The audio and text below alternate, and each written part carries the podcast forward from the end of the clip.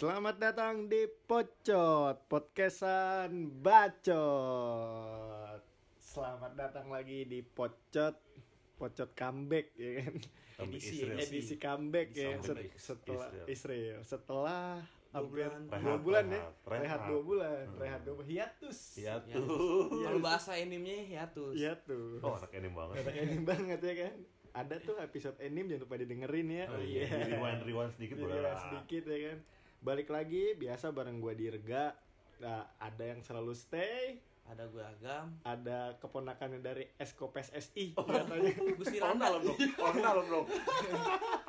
Ada siapa nih? Ada gua Dio. Ada Dio, calon ketua umum eh, PSSI 1. Waduh, berat banget. Amin amin amin amin amin. Berat berat. ya kan? Nah, Kak, pembukaannya aja udah nyinggung-nyinggung PSSI ini. Berarti udah pasti nih kita mau bahas apa ya kan? Bahas tentang timnas, federasi dan timnas nih. Yang salah federasi atau timnasnya. ya Oh kan? itu tema kita kali Tema ini. ya. kita kali ini, ya kan? Berat berat Berat. berat. Berat banget sih. parah. Ini banyak banget pembahasannya Berat. pasti. Cuman Dilan yang bisa bahasnya. Waduh. Sebenarnya harus harus harus kita ngajak Dilan ya. Waduh. Hmm. Jauh turun ke sini ya. Langsung aja kali ya ke berkaca dari ini nih, dua pertandingan awal kualifikasi Piala Dunia, ya kan? Dua kali gua- dua kualifikasi Piala Dunia Indonesia kalah nih. Iya. Dari Malaysia kalah 3 2-3, dari Thailand kalah 0-3 lebih parah lagi ya Di kan. home lagi dua-duanya. Home dua-duanya ya kan. Tanggapan deh, tanggapan dari ini dulu nih. Calon nggak PSSI satu deh, calon Esko. Exco-nya dulu. Esko dulu ya kan.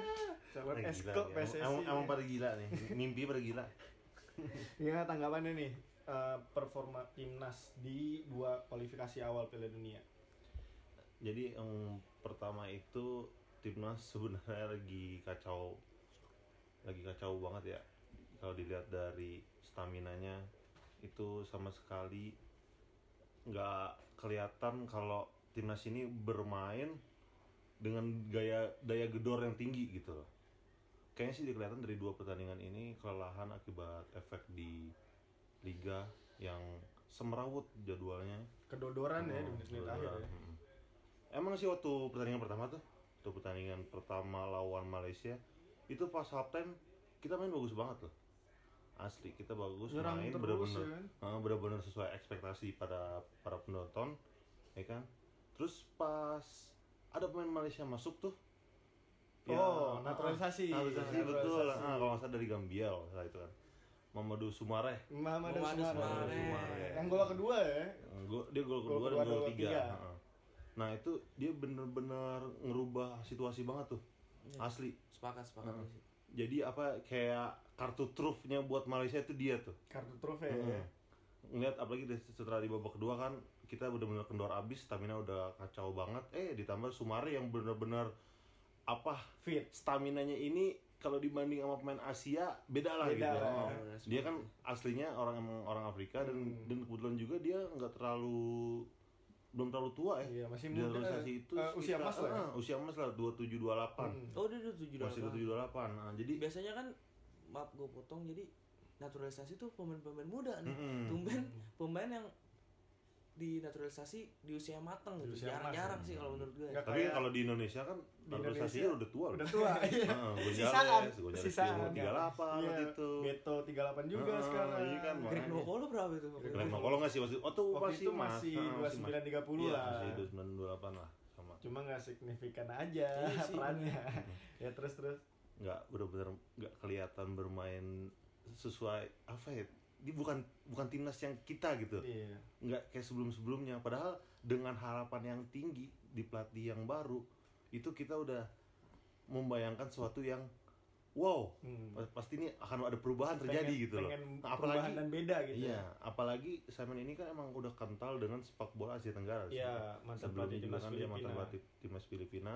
Dia juga sempat membawa Bayangkara Juara tim Liga. kepolisian ya Tim baru, aparat iya, tim tim aparat, aparat. eh, juara Liga 1 Yang waktu punya itu. histori itu. Ah, yang punya histori loh Iya. tiba-tiba juara Tiba-tiba juara. Nah, dengan pemain ya pemainnya sih yang bagus lumayan Meskipun itu. penuh dengan. Kontroversi. Meskipun dengan kontroversi ya. penuh kecurigaan karena dia tim aparat Iya. gitu. Tapi emang kalau dilihat strateginya Simon ini waktu di Bayangkara emang lumayan. Jadi apalagi kan setelah Bayangkara juara dia juga sebenarnya dia menang nanganin Bayangkara ini konsisten di posisi lima besar ya kan Iya, makanya emang nggak menampik buat PSSI nujuk dia sebagai pelatih timnas. Heeh, calon calon pelatih timnas waktu itu buat gantiin dari Luis Milla. Nah, makanya terbentuk kan dia jadi pelatih timnas. Ya memang hasilnya di bawah ekspektasi atau mungkin karena jadwalnya jadwal liga kita yang benar-benar semerawut itu bisa menyebabkan kayak begini. Emang eh, timnas itu kan representasi dari sepak bola ya kan. Iya, setuju. Hmm, representasi dari sepak bola seluruh apa namanya negara, juga. Negara, Heeh iya. dan liga ini juga harus sejalan imbang bagusnya gitu loh Malah lebih bagus lagi mendukung ini timnas ya, Mm-mm. mendukung apa namanya eh, dari pelepasan pemain klub ke timnas nah itu dia tapi emang selama ini para klub Liga 1 pada mendukung kok apalagi pelatih PSM juga kan pada Hmm. mendukung kalau bisa jangan jangan kan dua katanya sekali Zik bilang 10 pun saya kasih Iya. untuk, Untuk bela timnas Timnas. tapi iya mau gimana kalau emang bela timnasnya kayak begitu dengan jadwal yang super capek, Capek, malah kan iya. terbang ke sana sini dalam waktu tiga Iya, hari padat ya. iya jadwalnya padat Benar Iya. benar. terus sebenarnya- emang sebenarnya kita main bagus di babak pertama lawan Thailand juga kita main bagus Lawan Thailand itu main Nah, bagus kita, ya. kita lawan Thailand sama Malaysia bagus benar di babak pertama cuma Walaupun di babak kedua selalu kurang ya. selalu kedodoran kayak udah nggak tahu arah apalagi di 20 menit atau 20 menit terakhir pas lawan Thailand itu setelah penalti teraton Iya. wah itu kacau tuh Itu kacau, itu, langsung kacau. abis Heeh. udah nggak ada arah banget Dan memang udah bener-bener Iya. main pada uh, konservatifnya Iya, Indonesia iya, gitu loh konservatif main direct ball direct Nah, ball yang Ah. penting bola dari belakang langsung bisa ke depan deh ya gitu. kan. entah itu mau dapat atau enggak yang penting diaduin aja ke depan Iya. Kurang koordinasi Mm-mm. tim juga kali ya. ya gitu sih di waktu lawan juga babak kedua ah kacau banget atau entah tapi sih waktu lawan Malaysia saya juga kredit buat pelatih Malaysia tuh Tan Hmm, Cheng Ho Tan emang Ho. dia kayaknya udah bisa ngebaca dia tahu Hmm. kalau di babak kedua ini timnas Indonesia pasti kelelahan Ya, kedodoran. Nah, kedodoran. makanya dia benar-benar ambil hikmah dari babak pertama dia ngegas di babak kedua ya jadinya bisalah membalikkan keadaan Berikan keadaan. Nah, apalagi di waktu lawan Malaysia nih ya waktu lawan Malaysia itu sempat ada gangguan dari supporter, supporter juga kan sempat berhenti itu 8 yang menit sangat disayangkan.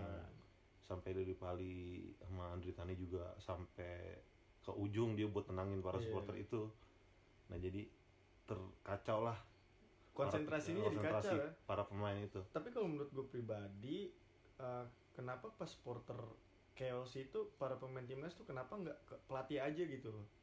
Kalau menurut gue eh, di situ tuh ada waktu untuk dia briefing lagi gitu sama pelatih karena Hmm. konsentrasi udah kendor. Kenapa seorang pemain nggak minta gitu? Pelatih, gue lupa nih eh, harus eh, harus gimana nih? Eh, bukan dia datang nenangin supporter terus habis itu main lagi itu kan merubah konsentrasi juga kan Hmm. gitu loh. Menurut gua sih kayak kayaknya sih kalau misalnya kayak begitu itu para pemain mungkin udah kesal duluan ya, Mm-mm. ngelihat apalagi posisi waktu itu masih dua sama Iya. posisi waktu itu masih dua sama dan seenggaknya kita dapat poin Mm-mm. nah itu mungkin pemain udah pada kesal jadi udah dong udah dong kita lagi berjuang gitu Iya, loh iya, iya.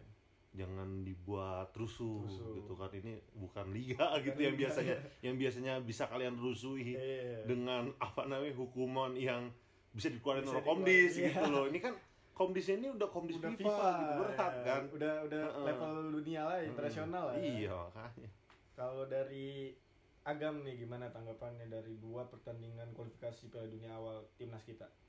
Kalau tanggapan gue mungkin tadi si Dio lebih bicara tentang teknis. Hmm. Kalau menurut gue di situ kenapa gue nggak mau ngikutin lagi jujur aja tentang sepak bola Indonesia karena emang manajemen yang buruk Iya. dari pengelolaan sepak bola di Indonesia. Hmm. Kenapa Indonesia tuh nggak mau belajar dari pengelolaan manajemen di luar, misalkan kayak Liga Inggris atau Liga Spanyol. Oke, kita nggak boleh berpatokan pada mereka, tapi selagi sumber daya di Indonesia masih kurang, apalagi para ahli gitu ya tentang manajemen yang bagus itu kayak gimana sih?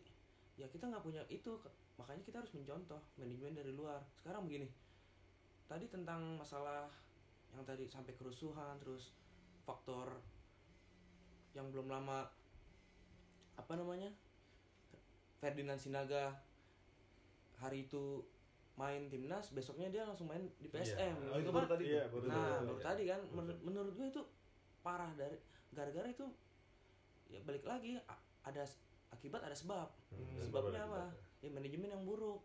Kenapa menurut gue masyarakat tuh menuntut banget gitu. PSSI untuk apa namanya timnas nih bukan PSSI timnas untuk apa yang masyarakat mau. Menurut Iya. gue masalah di timnas bukan semata-mata bukan sa- kesalahan pemain tapi di situ ada kesalahan di manajemen. Di manajemen. Gitu. di federasi dia ya. ada di federasi. Berat- itu kunci hmm. awal.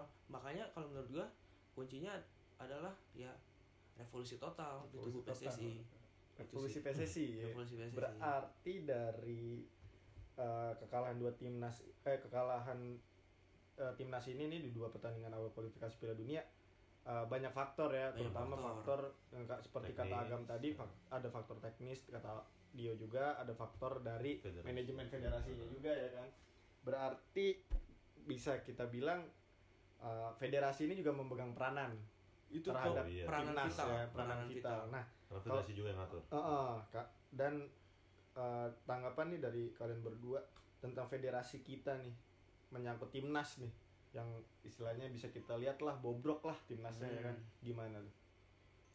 Dari dari gua. Iya dari Oh. dulu.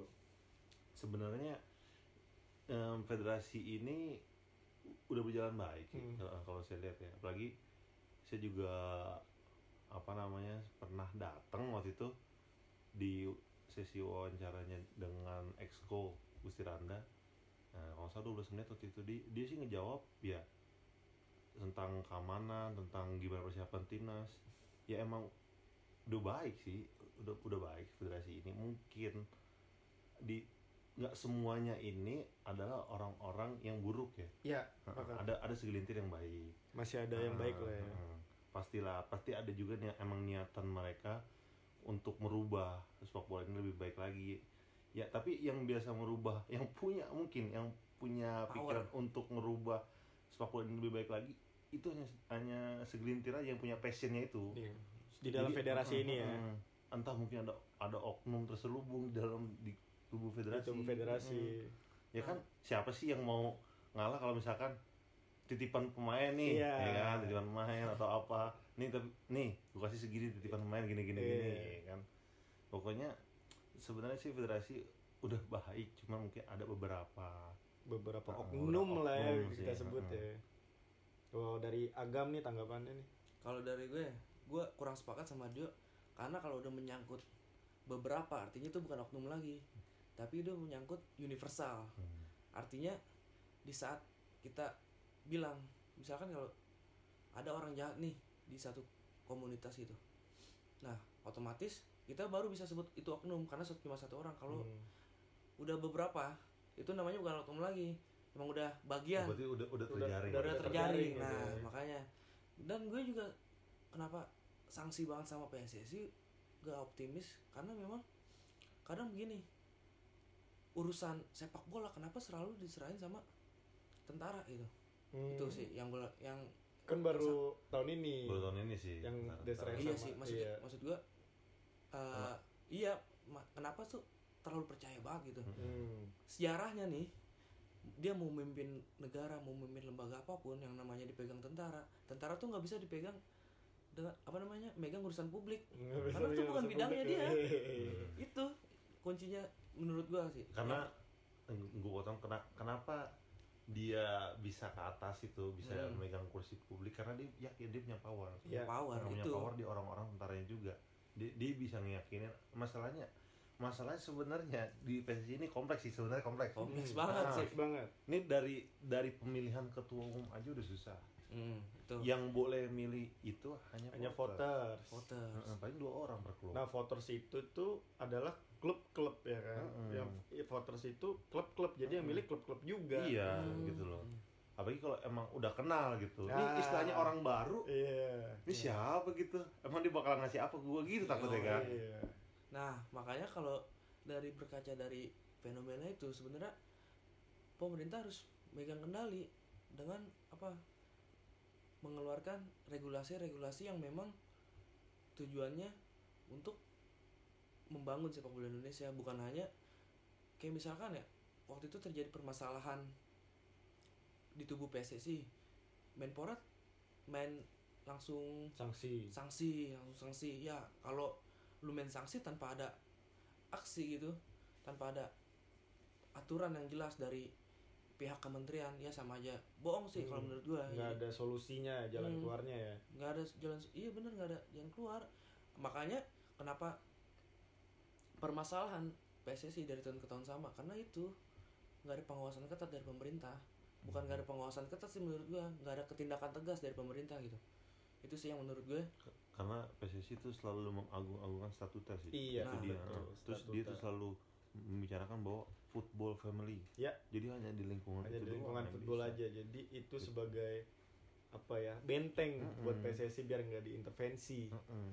makanya sebenarnya kita butuh orang yang capable di bidang sepak bola yang juga orangnya terbuka Iya. gitu loh dan dan dia emang niatnya pengen merubah PSSI lebih baik lagi Iya. merubah timnas ini Merubah lah merubah sepak sepak bola, bola ini lah Indonesia secara keseluruhan lah Mm-mm. ya lebih baik lagi dia punya visi misi yang jelas.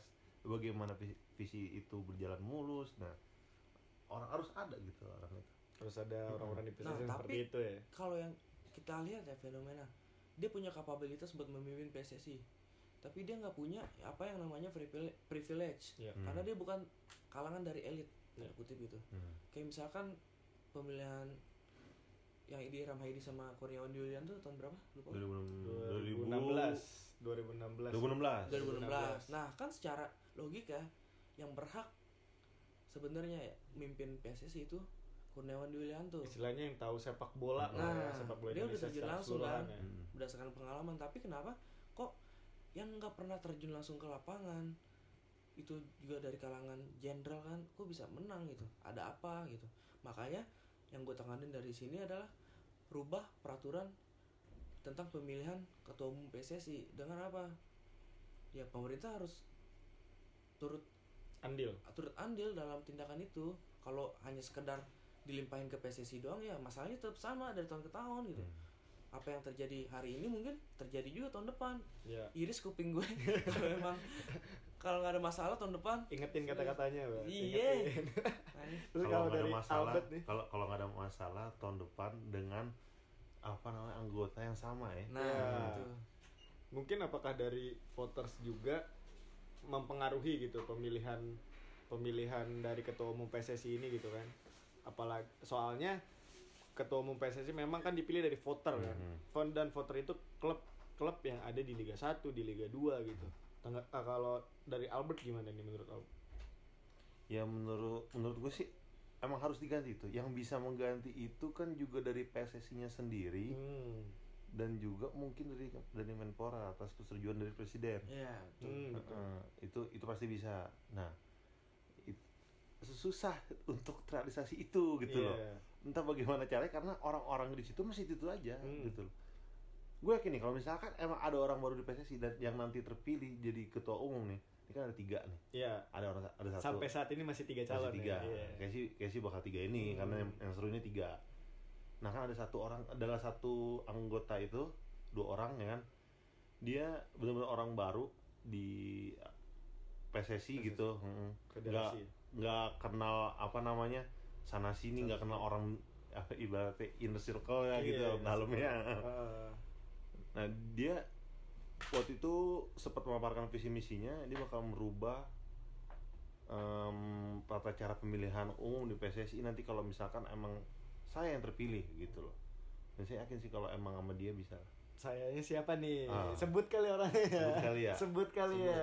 nomor dua sih Nomor dua, nomor dua. Arif Wicaksono Oh itu udah resmi nomornya. Nomor Itu dua. nomor dua sih backgroundnya Nomor dua. ngomong-ngomong dari mana ada dua kan itu ya di nomor dua ada Arif Wicaksono dan Doni Jal Jalu Doni ya Eh, operator Yang pertama itu Arif Wicaksono dari.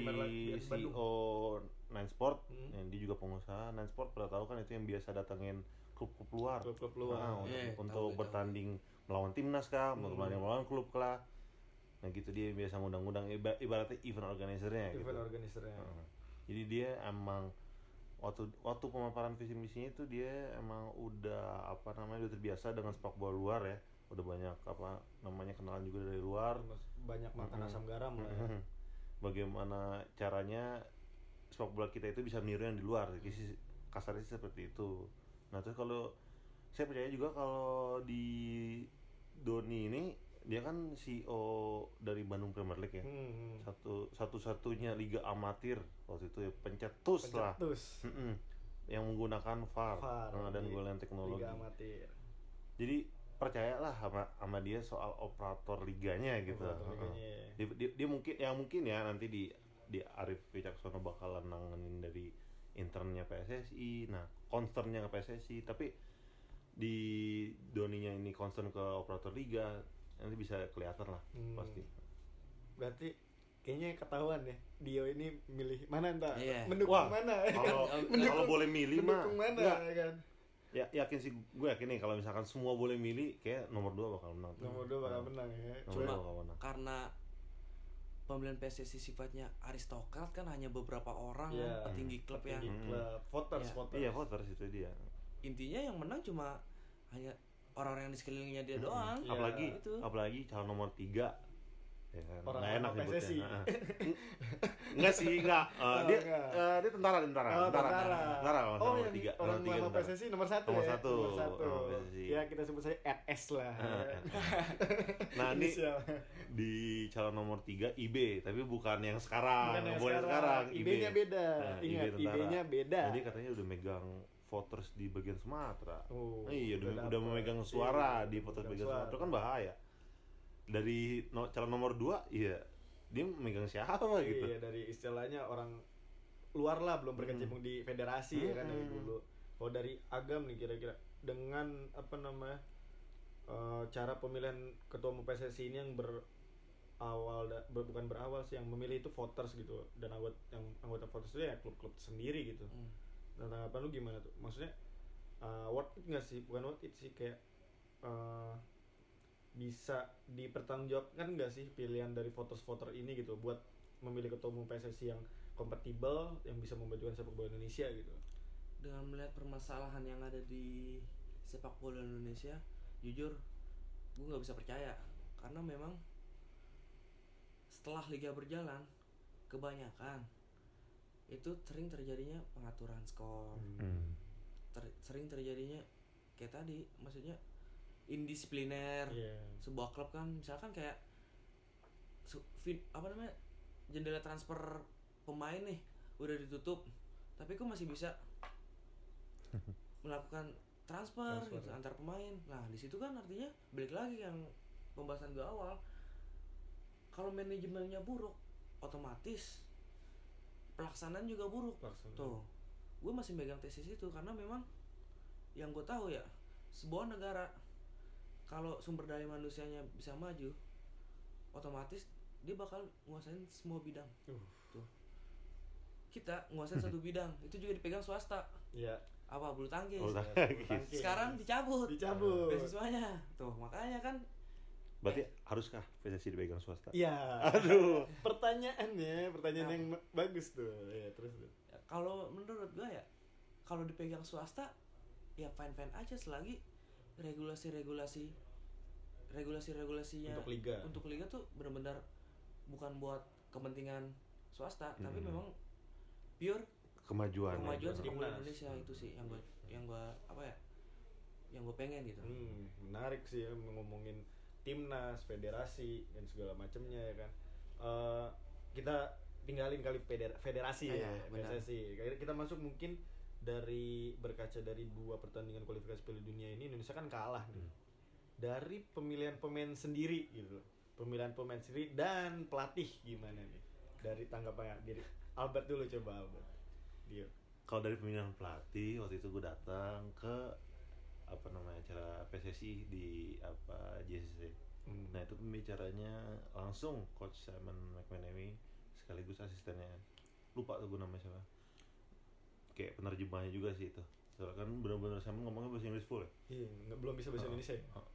Sikit-sikit. Sikit-sikit. Sikit-sikit. Sikit-sikit. dua sikit dua singi dua singi dua singi dua singi ya terus terus Baik lagi itu ke hak prerogatif. iya itu susah benar karena entah mungkin itu pemilihan pemain ada yang suka nggak suka pelatih itu kan bisa bisa sendiri coba lo jadi pelatih kalau Iya. lo nggak suka sama pemain ini nih ya udah lo tinggalin aja gitu Iya. emang attitude buruk Hmm, gitu, ya kan dan emang nggak masuk skema ya kan? cuma kalau emang pemanggilan pemain kemarin dari dua pertandingan itu masih dipertanyakan Masih masih dipertanyakan. dipertanyakan sekali itu Apa- banyak yang Hmm. dari posisi pemain yang harusnya diisi oleh pemain yang ini nggak diisi, nggak diisi. gitu Contohnya siapa tuh kalau ka- bisa kasih contoh? Kira-kira siapa yang nggak pas buat dipanggil dan yang pas untuk dipanggil tuh siapa tuh dari pandangan lu? oh dari pandangan gue sih itu gue kalau ngeliat Justinus Pae main, Justinus eh, Pae. main di sisi kanan itu dieksploitasi banget sama Teraton kemarin Parah. Apalagi Itu pas lawan Malaysia. Oh, sama sama Sumareh tuh, Oh. sama Sumareh. Itu nggak seharusnya dia ada di posisi itu Mm. dengan umur yang yang sudah kepala Ah, ya ah, udah udah tua lah ya. ah, udah kawakan. Udah ya kan? kawakan. Seharusnya posisi itu bisa diisi oleh Asnawi. Nas nah memang Mm. kuala. Dengan dorong-dorongannya Iya, tuh. Gue demen banget tuh. ya, Gue demen banget tuh kalau ngeliat Asnawi main tuh kayak mengingatkan sama tren Arnold. Oh, TA, TA. Alexander Arnold. bukan Robertson Oh, Robertson di kiri. Robertson di kiri. Robertson kiri. Robertson di kiri. Mirip lah sama Ricky Pajen bisa lah. Iya. Kalau kalau Ricky Pajen monoton ya, eh monoton apa fighter lah ya. Not bad lah Ricky bad. benar. Tapi kalau lihat Justinus Pae kok bisa gitu Justinus Pae dipanggil itu bener-bener sebuah pertanyaan umum di publik itu banyak yang nanya juga kan kenapa Justinus Pae kenapa nggak Asnawi kenapa yang nggak yang lain kenapa nggak Imade Andika ada di cadangan nggak dimainin Hmm, nggak nggak dicoba gitu Apalagi ya kan. dia lebih muda ya kan di Hmm. Bali United juga sering starter Hmm, gitu. hmm, hmm. Terus di sebenarnya menjawab dari publik ya kemarin banyak banget yang menyalahkan Andri Tani. Iya, Hmm. Andri Nah, Tani. itu gue setuju Andri banget Tani.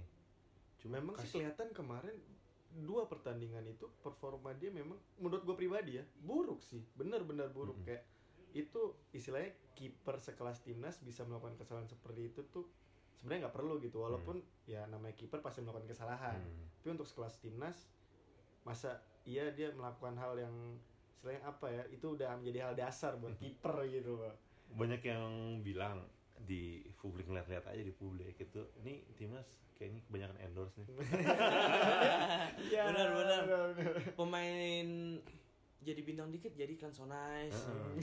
jadi iklan apa namanya Enggak sebenarnya pro- problemnya ini adalah ketika di Indonesia ini salah.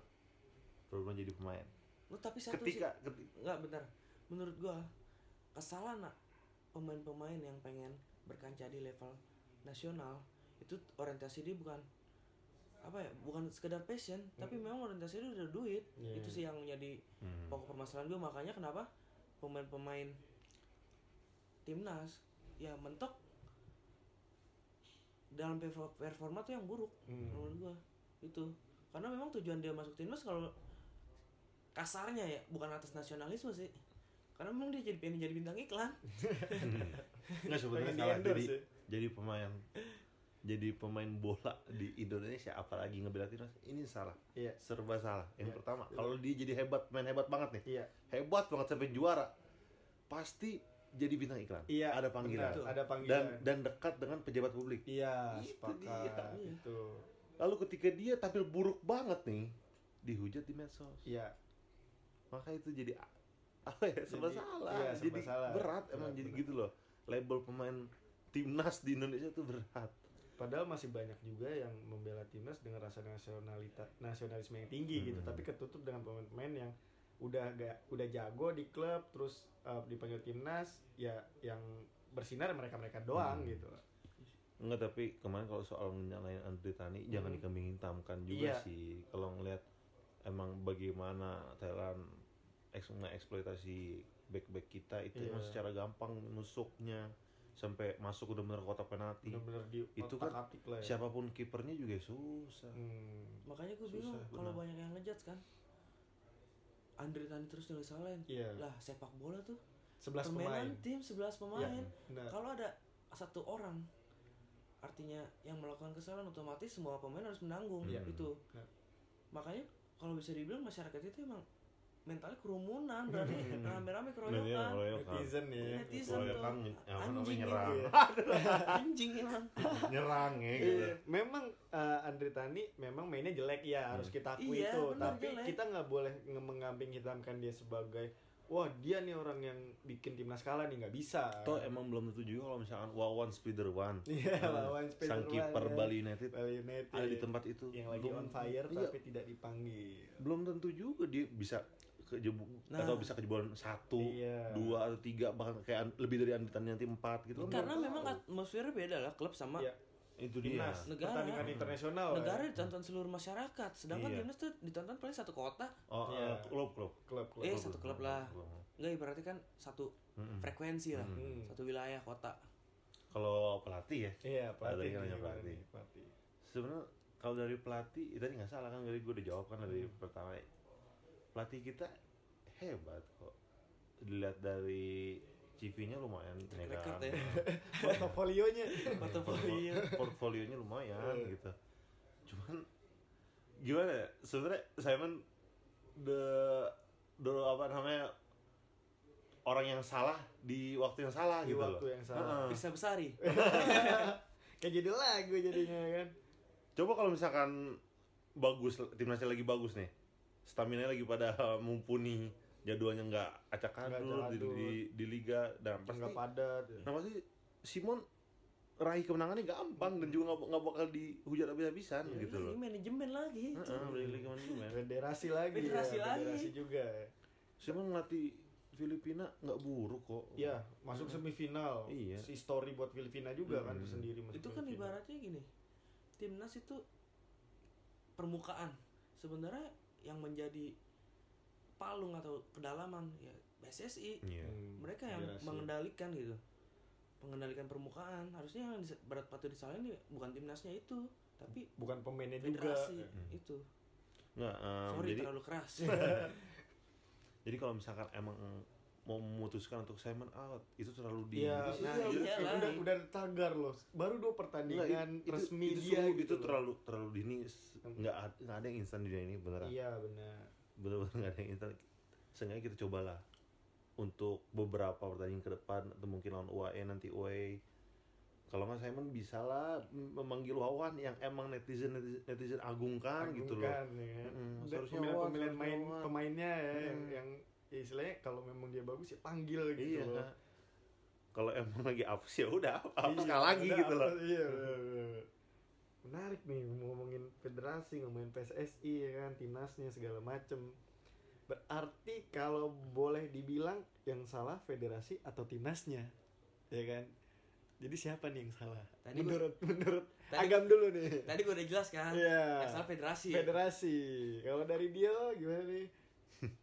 Timnas nggak akan berjalan baik jika federasinya pun buruk gitu. Eh. Nah, maksud jika federasi buruk, Buruk. maka timnas pun jangan buruk. Tidak berjalan Nah, baik ber- ya. eh, Berarti kan fe- federasi ini merepresentasikan dari timnasnya. nah, Nah. berarti federasi Federasi ya Iya. kan?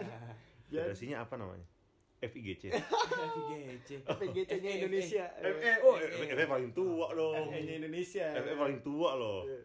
Dia menarik nih omongan kita kali ini nih tentang timnas tentang federasi ya kan. Jadi eh, jangan salah-salahin juga lah pemainnya ya kan. Pemain Nah. me- kalau memang me- pemainnya jelek ya memang ya udah gitu. Tapi jangan dikambing hitamkan. Terus juga dengan pelatih ya kan. Hmm. Pelatih juga ya boleh disalahkan tapi jangan dikambing hitamkan juga Nah. apa-apa pelatih. Baru dua pertandingan Simon Out ya kan. Pokoknya Ini Exco katanya mau menggelar rapat khusus untuk Hmm, membahas tuh. Simon katanya. untuk membahas Simon belum tahu akan tetap itu atau enggak. btw gue pengen nanya nih sama dia nih sorry apa tuh? jadi masalah exco ini ini perannya dia apa sih kayak kayak kelihatannya Kan gue belum jadi Exco.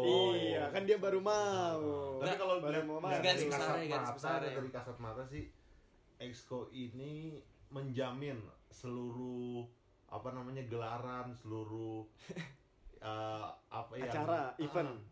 Apa yang udah dijalanin sama Iya. timnas ataupun liga itu berjalan sesuai gitu loh. mau berjalan sesuai udah Iya. sesuai kepentingan gitu Sesuai kepenting. Iya. Nggak berjalan, ber- berjalan sesuai visi misi. Oh, Oh, gitu. sesuai visi misinya kan? Exco, sesuai sebenarnya menjaga, Iya, menjaga, menjaga. agar tetap jalan ja- jalan visi misi ini dari ketua ini mulus. Tapi Mulus. masalahnya ketuanya ini kan enggak. Enggak. Eh, tapi memang secara gagasan bagus Gagasan exco bagus, tapi iya. secara implementasi kan realitanya nggak ada ya, nggak ada. Hancur. Agak berat sih berat karena gini, exco itu ada beberapa orang di internal lingkaran setan. Iya, ya itu Nah, Itu dia, balik lagi. Terus ada juga yang anggota fraksi DPR. Iya. Makanya, ujung-ujungnya kepentingan borjuasi kepentingan borjuasi Burju asih. Iya, punya Danur. Gila menarik banget ngomongin timnas, federasi, pokoknya eh, kita nggak bisa nyalahin siap bukan nggak bisa nyalahin kita jangan mengambing idamkan satu orang terus timnas ya pemainnya pelatihnya juga seperti balik lagi tadi yang seperti Dio bilang eh, timnas kita mencerminkan apa yang sudah dikerjakan oleh PSSI ya. Eh, menurut gue cukup kali ya Ya, Eh, cukup ntar gumoh. iya, ntar gue mau ya kan Gumoh. Ntar keluar batas. ntar keluar Ya, batas nggak soalnya masih banyak kata kotor buat PSSI. soalnya kita masih gondok nih masih kesel ya kan Eh, ya ada siapa ada sini gue agam Ada gua Dio, anggota calon anggota calon anggota Esko- SKO. Oh, calon iya calon ya anggota. Ah, calon. calon anggota Calon mantan anggota Calon- bukan? bukan Sedih banget tuh kayak, kayak gitu. ketua PSSI yang Oh, dulu. Eh, gua Dirga eh, eh, nanti terus dengerin pocot podcastan bacot. Gua pamit. Bye